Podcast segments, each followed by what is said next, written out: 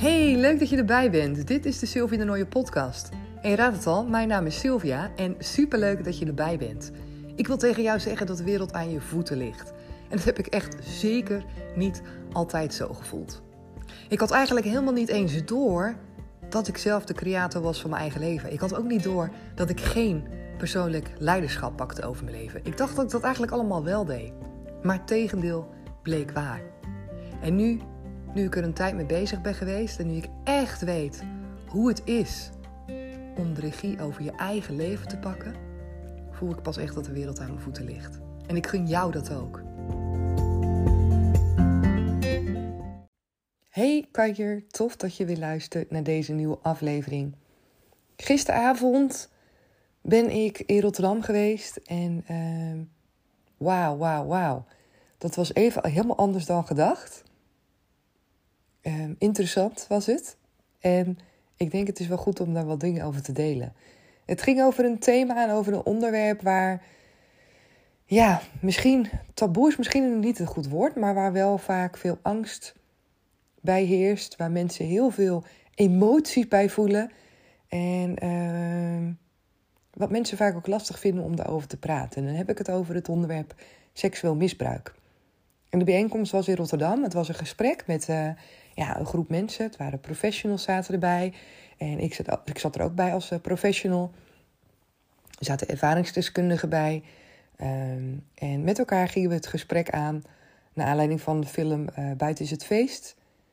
En ja, er waren eigenlijk heel veel mensen die wilden vertellen hoe het voor hun is geweest. En die zelf ook te maken hebben gehad met uh, seksueel misbruik. En wat eigenlijk heel erg sterk naar voren kwam, is dat mensen. Ja, dat het zo lastig is om te zien. Dat het zo lastig is om signalen soms te kunnen herkennen, te kunnen zien. En dan niet alleen als professional, maar ook gewoon op school bijvoorbeeld. Kinderen die naar school gaan, um, ouders, um, andere mensen die om kinderen heen staan. Dat het soms zo lastig is om te zien dat het gebeurt. En daarmee kwamen we eigenlijk op een heel belangrijk punt: dat ook wanneer je geen signalen ziet, um, dat het dus belangrijk is om het gesprek aan te gaan. Dat het belangrijk is eigenlijk vanaf kleins af aan, dat kinderen van kleins af aan al meekrijgen van wat is nou normaal gedrag. En dat is natuurlijk altijd heel lastig van ja, wat is normaal? Maar ook dat kan je met elkaar bespreken. En als ik kijk naar hoe ik het doe in de opvoeding van onze kinderen, en ik zeg helemaal niet dat ik het perfect doe, maar iedereen doet het zoals hij denkt dat het voor hem of haar het beste is, zoals het goed aanvoelt. En wat ik onze kinderen heel erg probeer bij te brengen is dat het mega belangrijk is dat jij je eigen grenzen mag aangeven en um, dat iedereen daar ook naar hoort te luisteren. Hoe klein je ook bent, dat je zelf mag aangeven wat jij wel en niet prettig vindt met je lichaam. En um, om dat wat concreet te maken met voorbeelden, zo vind ik het ook heel erg belangrijk als het bijvoorbeeld om iets onschuldigs gaat, zoals kietelen. Als wanneer we kinderen kietelen, dat we ook daarin hun grens serieus nemen. Op het moment dat kinderen roepen van stop met kietelen, dan heel soms weet ik ook vanuit mij, vanuit de opvoeding, dan um, ja, zijn ouders of anderen soms geneigd om door te gaan, om door te blijven kietelen. En ik heb nu heel sterk voor mezelf, als ik mijn kinderen wil meegeven dat grenzen aangeven belangrijk is, dat het gaat over je lichaam, wanneer je iets niet meer fijn vindt of wanneer je gewoon wil dat er wordt gestopt, dat het belangrijk is dat er naar je wordt geluisterd. Ook als het een volwassen iemand is, dat hij ook naar je luistert. Het is niet zo dat als je kind bent, dat je dan minder hebt te zeggen. Niet als het over dat soort dingen aangaat. Want in mijn beleving is het mega belangrijk om kinderen van jongs af aan al te sterken dat ze zich mogen uitspreken. Dat ze vertrouwen mogen gaan krijgen in dat ze nee mogen zeggen. En voor mij betekent dat bijvoorbeeld ook wanneer ze opa of oma of iemand anders geen kus of knuffel willen geven. Wanneer ze denken: nee, nu even niet dan vind ik het zelf gewoon niet passend. En sommige mensen vinden dat wel, hè, dus daarom het is geen goed of fout. Sommige mensen vinden uh, het wel heel belangrijk dat je een knuffel geeft, dat je een kus geeft, dat je gedag zegt. En zo ben ik ook wel opgevoed, hè, van dat is netjes. Dat zijn gewoon, uh, nou ja, het is gewoon gedrag wat je laat zien. Bepaalde waarden en normen die je hebt. En bij mij is meer overstijgend dat ik het belangrijk vind dat zij hun eigen grenzen mogen aangeven. Natuurlijk, dat wil niet zeggen dat ze asociaal moeten zijn. Hè? Want ik vind wel gewoon dat ze mensen gedag kunnen zeggen. En dat kan op allerlei manieren. Dat kan met een high five, dat kan met een hand, dat kan met een knuffel, dat kan met een kus. Maar ik vind echt dat ook kinderen daarin zelf hun grens mogen aangeven. Wat ze wel en niet fijn vinden. En ik snap het heel goed en ik vind het eigenlijk ontzettend gezond gedrag. Dat wanneer kinderen iemand, een volwassene, niet vaak zien, zoals bijvoorbeeld bij een opa en oma of een oom en tante, dat het heel erg passend is dat ze dan denken: ja, ik wil je niet ineens gaan knuffelen nu. Of ik wil je niet ineens gaan zoenen nu. Want dat voelt niet fijn. Dus die probeer ik altijd uh, nou, ook mee te geven. Dat is wat ik aan onze kindjes meegeef. En zo gaat het bij heel veel andere dingen. En we hebben het ook over uh, waar je aangeraakt mag worden. En dat de plasser en de piemel, dat het alleen van jezelf is. En dat, uh, nou, dat wij als mama en papa mee helpen met afdrogen bijvoorbeeld, als ze klein zijn. Um, dat er ook geen andere mensen mee in de wc mogen of dat ze niet mogen gluren. Eigenlijk alles wat onder je, je, je badpak zit, onder je bikini zit, dat dat van jou is. Hè? Dat dat je privéstuk is. En zo proberen wij um, daar eigenlijk gewoon al kinderen, onze kinderen, in mee te nemen, uitleg over te geven, hoe dingen werken. Um, dat het fijn moet zijn hè, als iemand aan je zit en dat het niet hoort als oudere mensen aan je zitten of als kinderen aan je zitten, terwijl je dat niet fijn vindt, terwijl je dat niet wil. Dat er geen geheimen mogen zijn over dit soort dingen, dat je alles kan vertellen. En dat begint natuurlijk, en je kan inderdaad mooi zeggen van nou je kan alles vertellen, maar dat begint ermee wanneer je zelf ook vertelt. En want dat is natuurlijk, kinderen volgen natuurlijk het voorbeeld. En als jij zegt, ja, je mag er heel makkelijk over vertellen hoor, dat mag je gewoon zeggen. En vervolgens praat je zelf nooit over seksualiteit als ouder. Heb je het nooit over wat je fijn vindt om aangeraakt te worden, wat niet. Laat je nooit zien en merken hoe jij je grenzen aangeeft als ouder. Dan is dat super lastig voor kinderen om zelf te bedenken hoe ze dat dan moeten doen. En dan blijft het bij woorden. En we weten allemaal dat kinderen veel meer leren van het voorbeeldgedrag en dat ze nadoen wat wij ze meegeven. Dus um, nou, terugkomend op het stukje wat ik zei van um, signalen die zijn niet altijd zichtbaar. Daarom is het zo belangrijk om sowieso erover te praten. Ook wanneer je denkt dat er niks aan de hand is. Dat het mega belangrijk is dat alle kinderen weten hoe het zit. Dat alle kinderen bepaalde informatie hebben. Al is het alleen maar misschien, stel voor, hopelijk natuurlijk dat mijn kinderen zoiets nooit overkomt. Maar dat ze het misschien zien en horen bij een ander kind. Dat ze dan ook weten van hé, hey, dat is niet oké. En dan hoop ik dan dat ze dat bijvoorbeeld tegen mij vertellen. Of tegen hun vader of tegen de juf. Omdat ze weten, omdat ze hebben gehoord dat het niet klopt. En hoe meer mensen het weten, hoe meer ouders, hoe meer scholen, hoe meer kinderen, hoe meer we bewust zijn met elkaar en hoe meer dit thema ja, eigenlijk minder taboe wordt, om het woord dan toch maar te gebruiken. En uh, we weten ook hè, uit onderzoeken bijvoorbeeld dat kinderen het soms ook lastig vinden om te vertellen als het gebeurt dat het gebeurt. En dat ze ook heel erg kunnen peilen bij volwassenen um, hoe volwassenen reageren om een beetje aan te voelen van oké, kan ik het hier wel over hebben? Kan een ander dit aan? En het klinkt misschien gek, maar we vinden het niet fijn om dingen te horen die we niet willen horen. We vinden het niet fijn om te horen dat een kind misschien is misbruikt en dat daar dingen mee zijn gebeurd waarvan we denken: nee, dat kan toch niet waar zijn? En een kind kan soms al heel, heel met kleine nou ja, dingen die hij zegt proberen aan te voelen van hoe is dit? Hoe reageert een ander dit op? Krijg ik de ruimte om het te vertellen? Of ben ik dan in één keer heel raar? En soms is er veel schaamte. Soms is er het gevoel van, ja, ik, ik, hè, als kinderen, zo hoorde ik gisteren ook, uh, dat een ervaringsdeskundige zei van, ja, ik dacht op een gegeven moment, ja, misschien doen andere kinderen dit ook wel. En vertelt gewoon niemand erover. Hè? Dus misschien is het wel een soort van normaal. Er zijn zoveel um, dingen die meespelen. Um, en waar kinderen ook rekening mee houden op het moment dat ze het gaan openbaren, ja of nee. Of ze dingen over gaan vertellen. Kunnen mijn ouders dit wel aan? Wat doe ik ons gezin aan? Straks vallen we uit elkaar. Of um, mama is zo blij met papa. Hè? Dus ja, Zouden ze me wel geloven? Wat gebeurt er dan met mij Wat gebeurt er dan met mijn ouders op het moment dat ik het vertel? Zoveel dingen die meespelen. Het is ongelooflijk, ongelooflijk.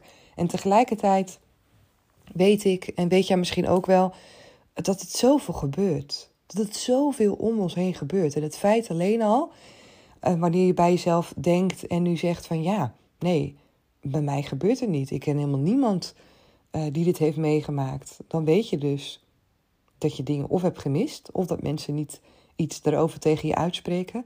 Want het kan namelijk niet dat het er niet is. Omdat het percentage is zo hoog dat we eigenlijk allemaal wel in aanraking zijn geweest met iemand, met een kind of met een volwassene die hiermee te maken heeft gehad.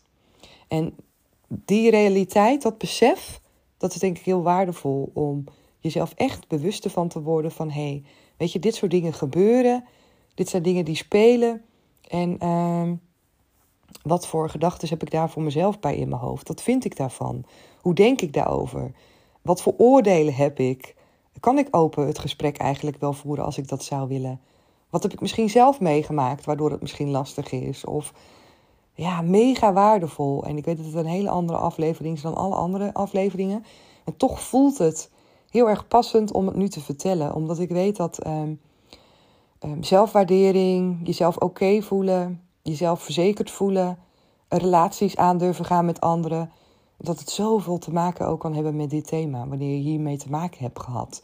Wanneer je het gevoel hebt gehad dat je niet voor jezelf kon opkomen. Wanneer je het gevoel hebt gehad.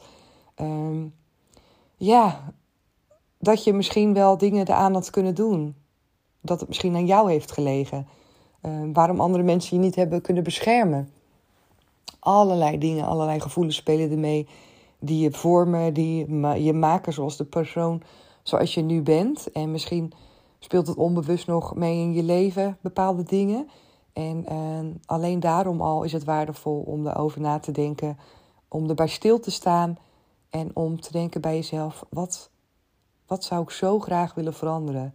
Welke gedachten zou ik zo graag willen loslaten? Hoe zou ik me het allerliefste willen voelen? En uh, weten dat dat ook kan. Dat dat ook kan, ongeacht wat je hebt meegemaakt. En dat zeg ik nu heel makkelijk misschien, maar dat komt ook omdat gisteren een ervaringsdeskundige dit ook zo heel mooi zei. Dat ze heel erg zichzelf had geheeld in dit proces. Dat ze zichzelf had vergeven. Niet eens degene die haar dit had aangedaan, maar dat ze zichzelf had vergeven. Dat ze er inderdaad niets aan kon doen. Dat ze het zo lang had door laten gaan. Heel veel vergeving bij jezelf zit erbij om ook te kunnen helen. En dat zij nu ook ziet van oké, ik ben nu verder. Ik ben geworden zoals ik nu ben. En dat ben ik ook geworden door alles wat ik heb meegemaakt. En ik kan nu mezelf zijn. Ik heb het masker afgegooid. Ik ben nu mezelf. Ik, ik voel me steeds meer mezelf. En ik kan nu gewoon weer leven zonder een trauma. Ik heb niet meer dat trauma. En zo mooi om dus mensen te horen praten. En om dat nu ook jou eh, mee te kunnen geven. En ook voor mezelf, dat ik dit nu weet van het kan. Het kan dus. Gisteren weer, ik geloof hier zelf al in. Maar gisteren weer door iemand die dit dus heeft meegemaakt, die bevestiging gekregen. Je kan hierin volledig helen. En is het zwaar? Is het emotioneel? Absoluut. Maar je kan deze weg doorlopen voor jezelf. Je kan jezelf een ander mens gaan voelen. Je kan jezelf volledig leren waarderen, accepteren, oké zijn met jezelf. En daar is werk voor nodig. En, maar het kan. En op het moment dat jij die hoop hebt, op het moment dat jij weet dat je dus ook naar die andere kant kan. Van jezelf weer helemaal lief hebben, jezelf vergeven. En dat is natuurlijk super fijn, lijkt mij, om, uh, ja, om jezelf dat te realiseren. Dus deze boodschap wilde ik gewoon heel graag met je delen. Voor iedereen die dit hoort. Ik hoop ook echt dat je tot dit moment bent blijven luisteren. Misschien dat je de aflevering deelt met anderen. Het is zo belangrijk dat we ons met z'n allen hier meer bewust van worden. Voor onze kinderen, maar ook misschien voor de mensen om je heen, voor je vrienden, voor familieleden die zich nog niet hebben uitgesproken over wat er misschien met hun is gebeurd. En door erover te praten, door dit thema vaker bespreekbaar te maken, kunnen we met z'n allen een slag slaan. Door dit uh, eerder zichtbaar te maken, door mensen eerder zich erover te kunnen laten uitspreken, dat ze misschien eerder durven Dat wij misschien eerder de aanzet geven, waardoor ze de kans krijgen. En uh, dat zou toch al super mooi zijn. Dus dat wilde ik heel graag met je delen. Ik wil je danken voor het luisteren weer naar deze aflevering. Heb je er vragen over? Wil je iets weten van me? Weet me te vinden op Instagram. Of je kan me natuurlijk altijd mailen naar info.comintra.nl. En dan spreek ik je heel graag weer de volgende keer. Doeg!